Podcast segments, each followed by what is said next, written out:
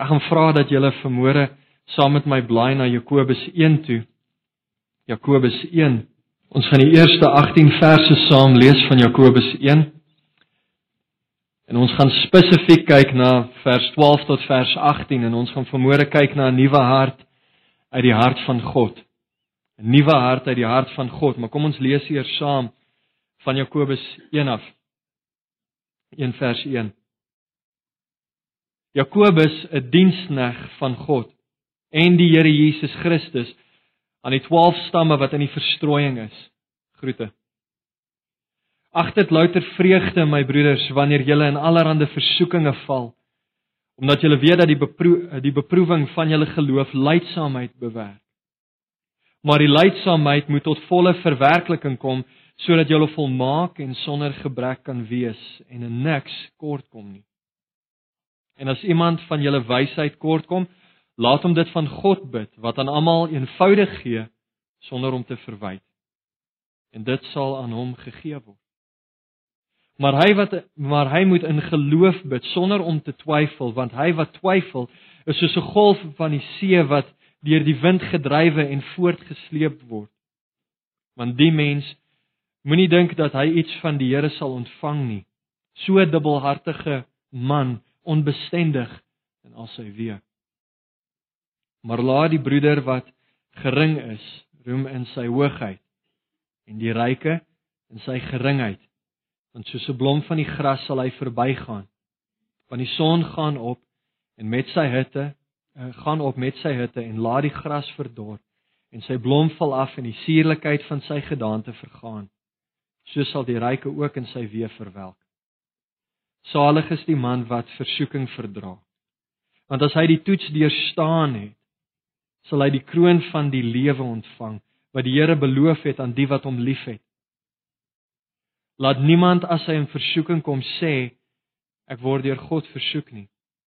Want God kan deur die kwaad nie versoek word nie en self versoek hy niemand nie. Maar elkeen word versoek as hy deur sy eie begeerlikheid weggesleep en verlok word. Daarna as die begeerlikheid ontvang het, baar dit sonde, en as die sonde tot volle ontwikkeling gekom het, bring dit die dood voort. Moenie dwaal nie, my geliefde broeders. Elke goeie gif en elke volmaakte gawe daal van bo af neer, van die Vader van die ligte, by wie daar geen verandering of skade weer van omkering is nie. Volgens sy wil het hy ons voortgebring deur die woord van die waarheid sodat ons as eerstlinge van sy skepsels kan wees. Dis die woord van die Here. Kom ons bid saam.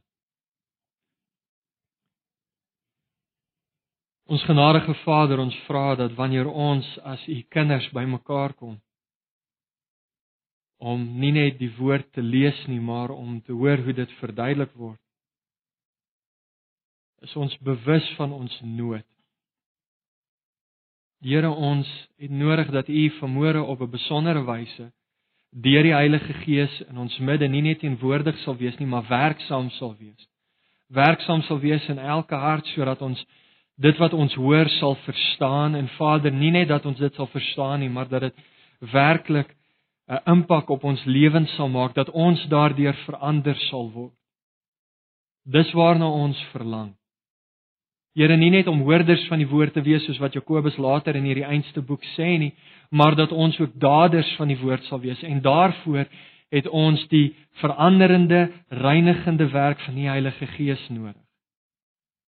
Ek bid Here dat U vermoere aan ons die Here Jesus Christus in al sy heerlikheid uit hierdie teks sal openbaar. En dat ons ons sy heerlikheid aanskou, ons van een gedaante van heerlikheid na die volgende verander sal word. Sodat ons meer en meer soos ons verlosser sal wees. Want U verdien dit, Here. U verdien eer en heerlikheid nie net uit ons woorde nie, nie net uit ons sang en ons gebede nie. U verdien eer en heerlikheid in ons lewens ook. Ons vra dat U vermoere so in ons midde sal werk.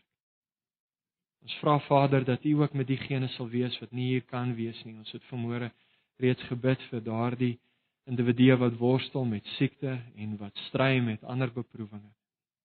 En waar ons vanmôre ook oor beproewinge gaan praat, vra ons dat U hulle sal versterk, bemoedig en sal verseker van ons liefde. Maar bo alles van die liefde van hulle verlosser. Amen. Jakobus begin sy brief met 'n baie kort inleiding, net een vers waarin hy homself en sy lesers voorstel. Jakobus se diensnag van God en die Here Jesus Christus aan die 12 stamme wat in die verstrooiing is. En as hierdie woorde vir jou vreemd klink met jou Bybel voor jou oop, is dit waarskynlik omdat ek die ou vertaling het en jy miskien 'n ander vertaling het. Moenie skrik nie, is nog steeds dieselfde Afrikaanse Bybel al klink dit nie vir jou soos Afrikaans nie. So uh, Jakobus begin met 'n baie kort inleiding en dan spring hy weg met een van die mees bekende verse uit hierdie boek uit en dit is ag dit louter vreugde my broeders wanneer julle in allerlei versoekinge val. En hierdie eenvoudige woorde dreis as dit ware teen alle logika in, veral as jy die persoon is wat besig is om te ly. Hoe op aarde kan ek my lyding, my beproewing, my versoekinge louter vreugde ag? En Jakobus gaan dan voort en hy verduidelik hoekom en die hele vloei van die gedeelte lei na ons gedeelte toe waarna ons gaan kyk en dis hoekom ek vinnig saam met julle daardeur wil gaan. Hy verduidelik in vers 3 en verder dat daardie beproewinge, daardie versoekinge, daardie toets wat ons deurgaan, bewerk lydsaamheid, standvastigheid in die geloof. As jy regtig wil groei in jou geloof, moet jy weet dat jy gaan deur beproewinge gaan. En as ons standvastig bly in daardie beproewinge, dan sê die skrif vir ons in vers 3, ekskuus in vers 4, sal ons volmaak en sonder gebrek wees en in niks kort kom nie. So weer eens, as jy die lydende verlosser volg, die Here Jesus Christus, hoop ek jy bewapen jouself met die gedagte dat jy gaan die lyding vryspring. Almal wat die Here Jesus Christus volg, gaan ly soos wat hy ook gelei het. Kwessie is net wanneer en hoe. Jakobus vertel ons dan hoe om hierdie beproewinge met wysheid te hanteer want in vers 5 sê hy as iemand van julle wysheid kort kom, laat hom dit van God bid en wanneer ons in geloof bid, verseker hy ons dat die Here sal vir jou die lig gee wat jy nodig het om deur hierdie duisternis te kom. En dan in vers 6, ekskuus in vers um, vers 8 en uh, 8, 9 en 10 verduidelik hy vir ons van twee unieke beproewinge, die beproewing van rykdom en die beproewing van armoede. En voordat jy hardloop en vir Here gaan voorskryf watter een van die twee jy sou verkies, weet net dat meer mense slaag die beproewing van armoede as mense wat die beproewing van rykdom slaag. Hou dit in gedagte. Uiteindelik som Jakobus dit alles op in vers 12 en ek wil hê julle moet saam met my dit lees. Salig is die man wat versoeking verdra. Want as hy die toets deurstaan het, sal hy die kroon van die lewe ontvang wat die Here hom beloof, wat die Here beloof het aan die wat hom liefhet. So dis hoe ons moet reageer op ons beproewing. Ons moet standvastig wees. As standvastigheid in ons lewe wortel geskiet het, groei dit sodat ons volmaak in die Here Jesus Christus kan wees. En dan ontvang ons as ons hierdie beproewing deurgegaan het, die kroon van die lewe. Dis hoe ons versoeking en beproewing moet hanteer. Maar hoe hanteer ons dit gewoonlik? Hoe hanteer ons dit gewoonlik? Vers 13 Laat niemand as hy in versoeking kom sê ek word deur die Here versoek nie. Ek word deur die Here versoek nie. Is in die term wat Jakobus gebruik vir versoek in vers 13 is dieselfde term wat in vers 12 vertaal word met toets. En die gedagte hier is eenvoudig dit dat met elke beproewing waardeur ons gaan, is daar 'n versoeking om daardie beproewing op 'n sondige wyse te hanteer. Ons word versoek om daardie beproewinge op 'n sondige wyse te hanteer. Met ander woorde, wanneer 'n kollega byvoorbeeld by die werk nie sy uh, by sy kant bring nie en jy moet die las van sy laksheid dra, dan is die versoeking daar om vir daardie kollega kwaad te word en om teenoor daardie kollega te ontplof.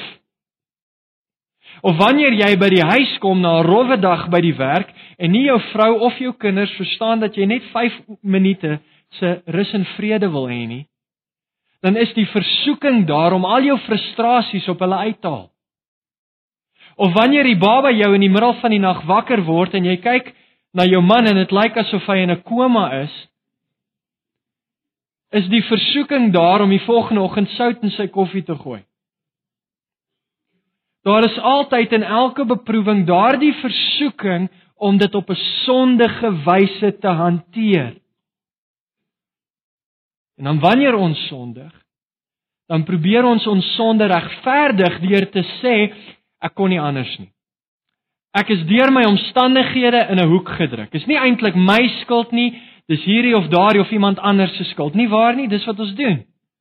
Ons blameer enige iets en enige iemand anders vir die wyse waarop ons reageer. Ons blameer ons kollega, ons blameer ons familie, ons man, ons vrou, ons kinders, die verkeer wat dit ook al mag wees. Dis hulle skuld. Maar dink gou hieroor. Wie het vir jou daardie kollega by die werk gegee? Wie het vir jou daardie man gegee? daardie vrou gegee. Daardie kinders gegee.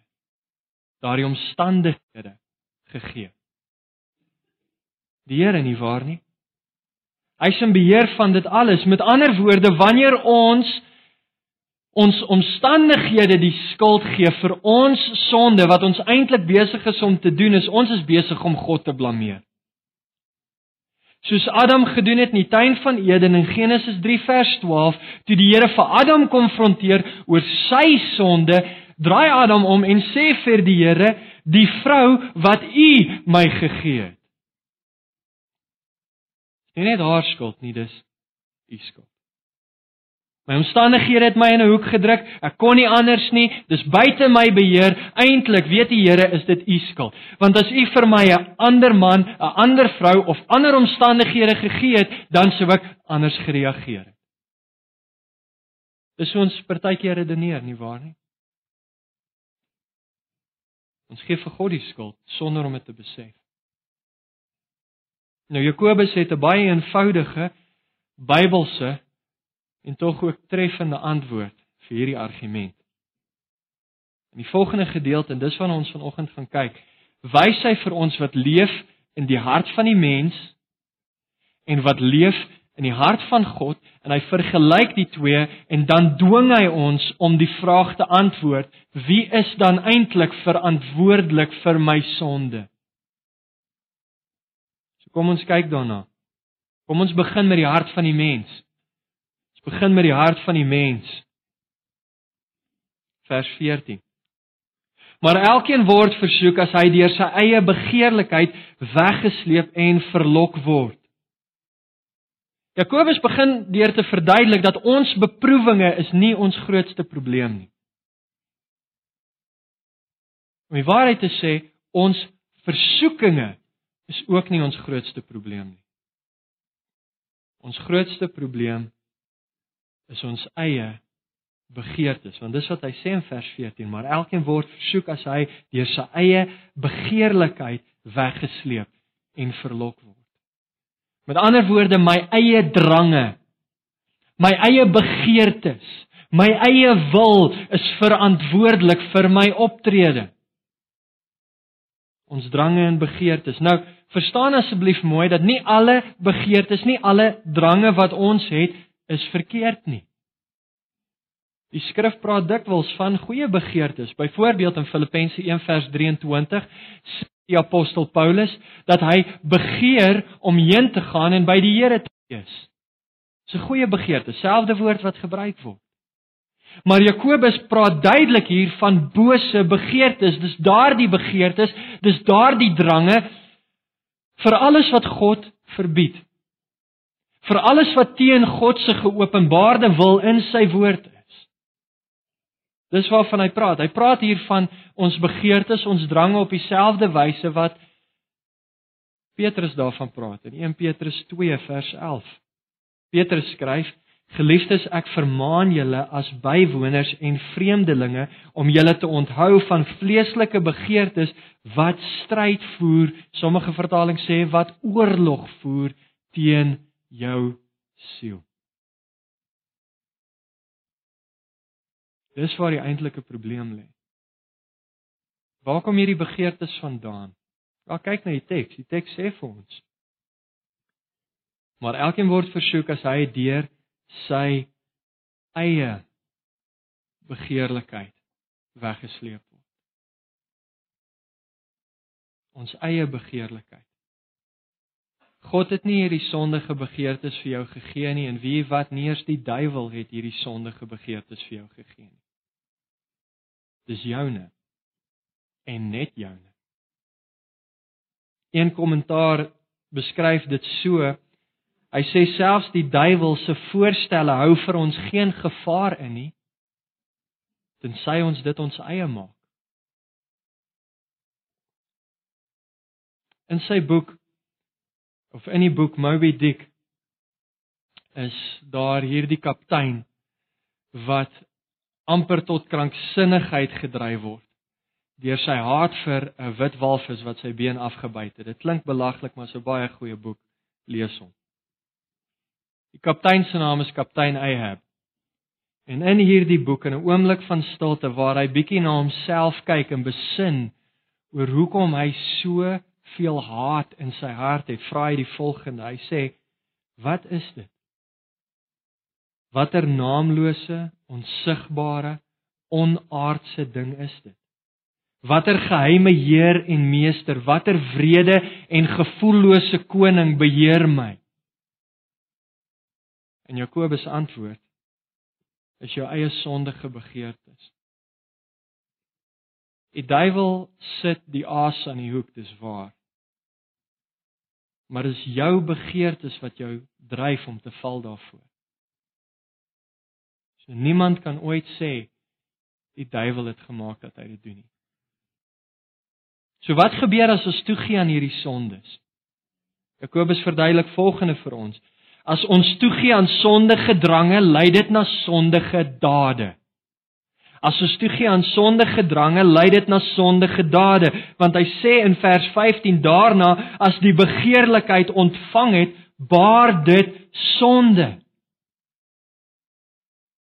Ons drange dryf ons dade. Die feit dat ons versoek word beteken nie dat ons gesondig het nie. Ja, versoeking lei na sonde, maar die twee is nie sinoniem nie. Die Here Jesus Christus is versoek in elke opsig net soos ons, maar hy het sonder sonde gebly. So as jy versoek word maar jy gee nie toe nie, beteken dit jy beteken dit nie jy het gesondig nie. En baie mense loop onder 'n skuldgevoel, 'n wolk van duisternis rond omdat hy versoek word, maar hy gee nie toe aan daai versoeking nie en tog dink hy het op een of ander wyse gesondig teen sy Here. Waak daarteen. Die duiwel kan jou vleis met daai leuen. Versoeking en sonde is nie dieselfde ding nie. Maar wanneer jy toegee aan daardie versoeking, sê die skrif vir ons hierso, baar dit sonde. Wat sonde? Elke woord en daad, gevoel en gedagte wat teen God se geopenbaarde wil is.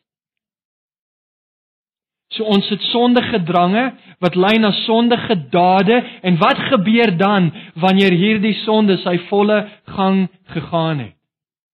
of in die woorde van Jakobus in vers 15 tot volle ontwikkeling gekom het. Wat dan? Dit bring die dood. Van die res van die vers sê en as die sonde tot volle ontwikkeling gekom het, bring dit die dood voor. Die dood. In die tuin van Eden het God beloof dat sonde beloon sal word met die dood. Fisiese dood en geestelike dood. En wanneer ons toegee aan daardie drange, lei dit na sondige dade en dan ontvang ons die dood. In Griekse mitologie was daar 'n koning met die naam koning Laius. En hy het 'n profesie ontvang dat hy deur een van sy eie seuns vermoor sou word. En eendag toe sy vrou vir hom 'n seun baar, het hy probeer om die profesie vry te spring om dit uh om die vervulling daarvan te keer deur hierdie baba seentjie teen die hang van 'n berg vir die dood te los. Maar skaapwagters het die seentjie ontdek en hulle die seentjie toe gered en hom grootgemaak en hom Oedipus genoem. En dit beteken geswelde voete. So as jy gedink het jou ouers het jou 'n baie en aardige naam gegee, wees dankbaar jy was nie 'n Griek nie. Maar jare later toe Oedipus groot geword het, het hy besluit om na die stad Thebes toe te reis en op pad daarheen het hy 'n ou man op 'n strydwa in 'n smal deel van die pad ontmoet. En hy en hierdie ou man het begin stry oor wie moet pad gee dat die ander een kan verbygaan. En die stryery het ontaard in 'n geveg en in hierdie geveg het Oedipus die ou man doodgemaak. Daardie ou man was sy pa, koning Laius. Die profesie is vervul. Jy sien ons dink dat ons die gevolge van ons dade kan vryspring. Ons dink dat ons kan toegee aan ons drange en dit lei na sondige dade, maar vir een of ander rede gaan ons nie die dood ontvang nie. Ons sal die uitsondering op die reël wees. Maar weet dit, geen sonde bly ooit ongestraf nie. Geen sonde. Niemand spring dit vry nie. Drange, dade, dood. Dis wat leef in die hart van die mens. Ongeag jou omstandighede. As jy sondig is, dit jou eie skuld. En jy sal die loon vir jou sonde ontvang. Nou, as jy nie dankbaar die teks hou nie daarop nie.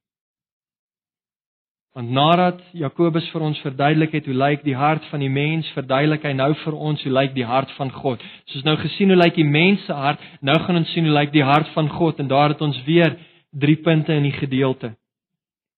Hoe lyk die hart van God? Wel, dit begin in vers 18 met God se wil. God se wil. Wat is God se wil? Volgens sy wil het hy ons voortgebring deur die woord van die waarheid. Nou verstaan hierdie mooi, terwyl ons drange en ons begeertes lei na sonde en die dood, lei God se wil in 'n totaal ander rigting. Die wil van God lei na lewe, wedergeboorte, herskepping, nuutmaking, bevryding, vergifnis. Dis wat Jakobus van wanneer hy sê in hierdie gedeelte volgens sy wil het hy ons voortgebring. Dis wedergeboorte daardie.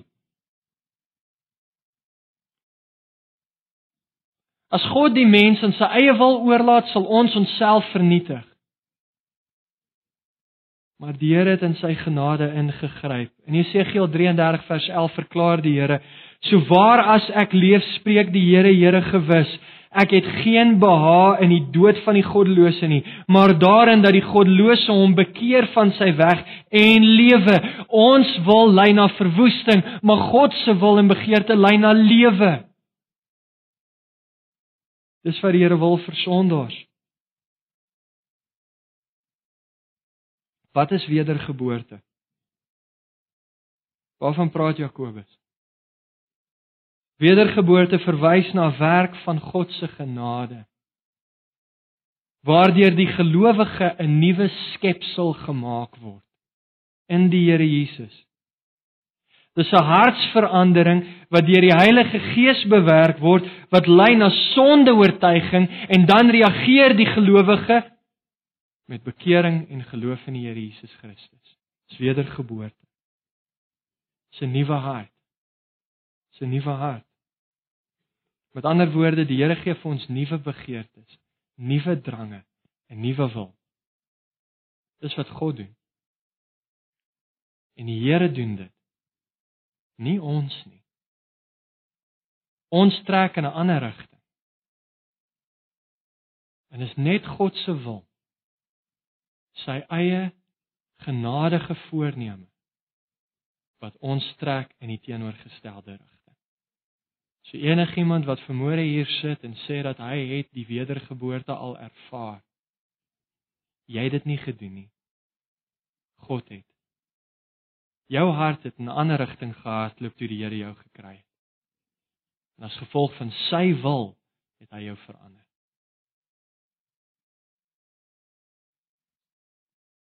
In Jesegiel 36 vers 26 en 27 sê die Here: Ek sal julle 'n nuwe hart gee en 'n nuwe gees in julle binneste gee.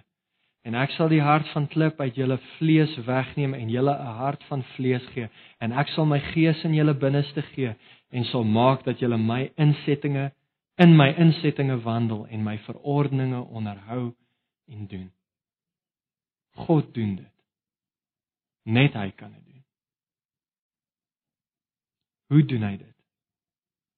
Het nou gesien in die hart van God sy wil, maar kyk gou vinnig saam met my na sy werk. Kyk hoe doen hy dit?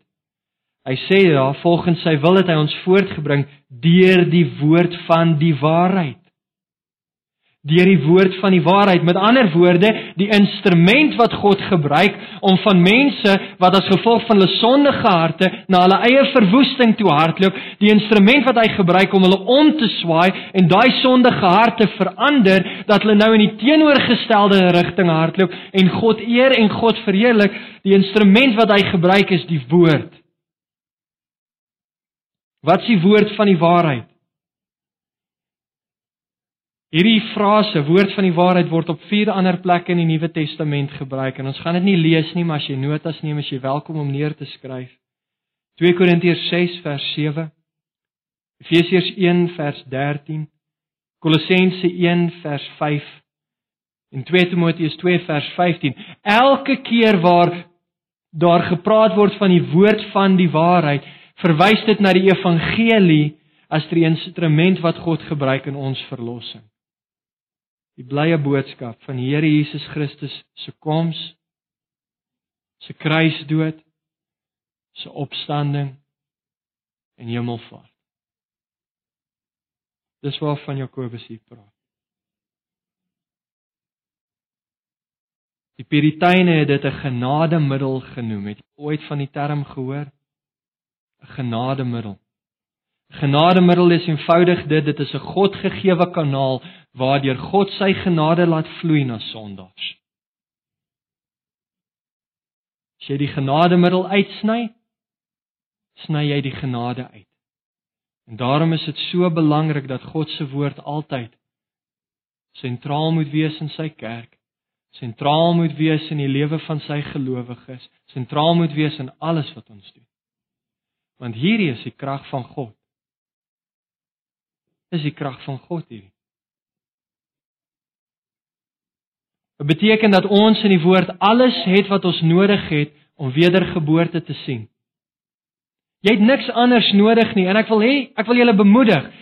Verstaan mooi dat Jakobus nie hier sê dat God ons voortbring deur die woord wat deur een of ander professioneel opgeleide aangestelde persoon verkondig word nie. Jakobus sê nie hier dat God die woord gebruik net wanneer hy op 'n uitstekende manier uitgelê word nie. Of wanneer ons hom in 'n Amerikaanse aksent hoor nie. God gebruik sy woord en dit beteken dat selfs die mees stotterende en stuierende gelowige met 'n klein bietjie kennis, maar 'n hart vol van die Heilige Gees en liefde in sy hart vir die Here Jesus Christus en sy woord, dit beteken dat God so 'n persoon kan gebruik om wedergeboorte te bewerk in die harte van mense.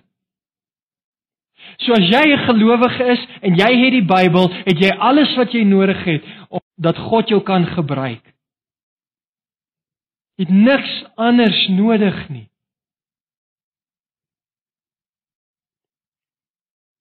In Korintiërs 1:12 sê dit dat God behaag om deur die dwaasheid van prediking die wat glo te red. Dwaasheid. So al voel jy stupid, doen dit. En God gaan jou gebruik. So wil jy die krag van God sien? Bly naby sy woord. Soos ons nou God se wil gesien, ons het God se werk gesien. Wat's God se doel met dit alles? Wat's God se doel met dit? Kyk saam met my weer vers 18. Sodat ons as eerstelinge van sy skepsele kan wees. Eerstelinge van sy skepsele. Jakobus gebruik 'n Ou Testamentiese beeld wat hulle goed geken het, maar waarmee ons miskien nie bekend is nie. In die Ou Testament het hulle altyd 'n eersteling, 'n die beste deel van die oes gevat en dit aan God gewy uit dankbaarheid vir die oes. En daardie eersteling, daardie gewyde offer was vir God kosbaar en was gewy vir God se spesiale, besondere gebruik. Met ander woorde, Jakobus sê dat hulle wat voorheen bestem was vir die dood, word nou deur God se wil en die werk van sy woord wedergeboorte gegee sodat hulle nou waar hulle voorheen bestem was vir dood, bestem is vir besondere gebruik in die koninkryk van God. Wat leer dit vir ons? Dit leer ons eerstens dat ons vir God kosbaar is. En dis veral belangrik om dit te onthou wanneer jy deur beproewinge gaan. Want ons dink partykeer dat as ons deur 'n beproewing gaan, dan is dit 'n teken dat God nie meer lief is vir ons nie. Ek kry swaar en daarom het die Here van my vergeet of van sê soos Israel, "Waarom gaan my reg by my God verby?" Jakobus herinner vir ons, ons is die eerstlinge van sy skepsele, ons is vir hom kosbaar. Thomas Manton, 'n Puritein het dit so beskryf. Hy sê die ganse wêreld behoort aan God as sy besitting, maar die gelowige behoort aan God as sy skat. Dit is vir God kosbaar. Maar meer as dit. Jy's gewy tot sy besondere diens. Is gewy tot sy besondere diens. En die res van die gedeelte herinner ons daaraan vers 22 en 23 moenie net 'n hoorder van die woord wees nie, wees 'n dader van die woord, want dis waarvoor God jou gered het. Hy het jou nie gered sodat jy 'n kerkbank kan volmaak nie. Maar dat jy 'n veranderde lewe kan leef waardeur hy verheerlik word. God se wil, God se werk en God se doel. So kom ons gaan terug na die vraag wat ons aan die begin gevra het: Wie is verantwoordelik vir jou sonde? Onthou die hart van die mens, ons drange, ons dade en die dood. Die hart van God, sy wil, sy werk en die doel wat hy het daarmee. Wie is verantwoordelik vir jou sonde? Jy is. Maar wie is verantwoordelik vir ons verlossing? God is. En as jy nog nooit in jou lewe tot hom geroep het vir redding nie, wil jy dit nie nou doen nie. Anders sal jy die verdiende loon vir jou sonde dra. Maar as jy tot die Here roep en vir hom vra om in jou hart te werk en jou wedergeboorte te skenk. As jy jou vertrou plaas in die Here Jesus Christus en in hom alleen, dan gaan hy en hy verander jou hart. En maak nie saak hoe vuil jy nou is nie, hy kan jou skoon was. Maak nie saak hoe siek en duister die begeertes in jou hart is nie, hy kan dit verander. En waar jy voorheen bestem was vir die dood, kan hy jou nou bestem vir heerlikheid, maar hy doen dit, jy kan dit nie doen nie. En as jy al reeds wedergeboorte ervaar het, Is dit nie wonderlik om te weet dat met 'n nuwe hart jy jou beproewinge op 'n nuwe manier kan hanteer nie? Dis nou vir jou moontlik om God te verheerlik in jou beproewinge. Waar dit voorheen onmoontlik was. Ek het 'n dierbare gelowige geken 'n klompie jare gelede. Sy het verskeie krisisse gehad, verskeie probleme ervaar um 'n hele rits baie groot operasies ondergaan. Sy het vir my gesê sy het ophou tel by die 26ste operasie aan haar rug, haar knie. Sy het geweldig baie pyn gehad, permanent. En die enigste manier hoe jy geweet het dat sy het vandag besonder baie pyn is, dan het sy gewoonlik baie gelag. En eendag sit ek saam met haar in haar sitkamer en ek vra vir haar: "Hoe het jy tot by hierdie punt gekom? Dat jy nou met vreugde jou beproewinge kan hanteer?" En sy sê toe vir my dit was nie altyd so nie. Daar was baie tye wat sy lank en hard voor die Here gehuil het en gevra het hoekom. En sy het vir my gesê na hoeveel jaar het sy tot op hede nog nie antwoord gekry nie maar sy weet dit. Sy weet dit. God het haar gered. En God is deur hierdie beproewinge besig om in haar te werk en alhoewel sy nie mooi kan sien waarmee hy besig is nie, weet sy dis goed. En sy weet dat toe hy haar gered het en in hierdie beproewing geplaas het, het hy dit gedoen met 'n doel om hom te verheerlik. En alhoewel sy in haarself nie die wil of die krag daarvoor het nie, het hy die wil en hy het die krag om dit te doen. So alle eer moet aan hom gaan. Dis hoe sy dit hanteer. En ek noem doelbewus vir julle nie wie die persoon is nie want sy sou my verwy daarvoor. Want dit gaan nie oor haar nie. Dit gaan oor God. Geliefdes, as jy 'n kind van die Here Jesus Christus is, het jy 'n nuwe hart ontvang, jy het 'n nuwe wil, nuwe begeertes, nuwe krag. En maak nie saak wat jou omstandighede is nie, jy kan God daarin verheerlik. Want hy sal jou in staat stel daartoe. Dis wat leef in die hart van God. So kom ons vra dat hy dit vir ons sal doen. Kom ons bid saam.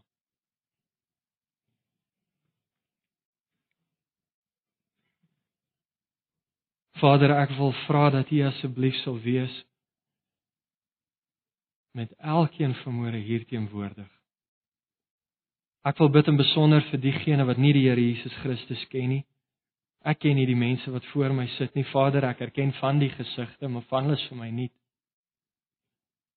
En ek weet dat U is besig om in hulle harte te werk en ek vra dat U asseblief enige een wat hier is wat nie U ken nie, die wedergeboorte sal skenk hulle harte sal verander, vir hulle Jesus sal wys en dat U hulle sal help om met geloof te reageer op dit wat hulle sien in die evangelie. Ek wil bid vir elkeen wat wel vir U ken, Vader, U ken hulle omstandighede, hulle versoekinge, hulle beproewinge, die stryd waarin hulle is. En Vader, alhoewel ons beproewinge verander miskien klein mag lyk, voel dit vir ons altyd so groot. En baie keer is ons moedeloos en uitgeput en moeg. En ons het dit al vir so lank op so 'n verkeerde manier hanteer dat ons weet nie eers meer hoe om dit reg te hanteer nie. Skenk ons genade, Vader, asseblief. Verander ons. En help ons om U te verheerlik. Ons vra vir 'n nuwe hart uit die hart van God. Verwyder die ou hart. En skenk vir ons U hart dat U in alle omstandighede al die eer en al die heerlikheid sal ontvang. Amen.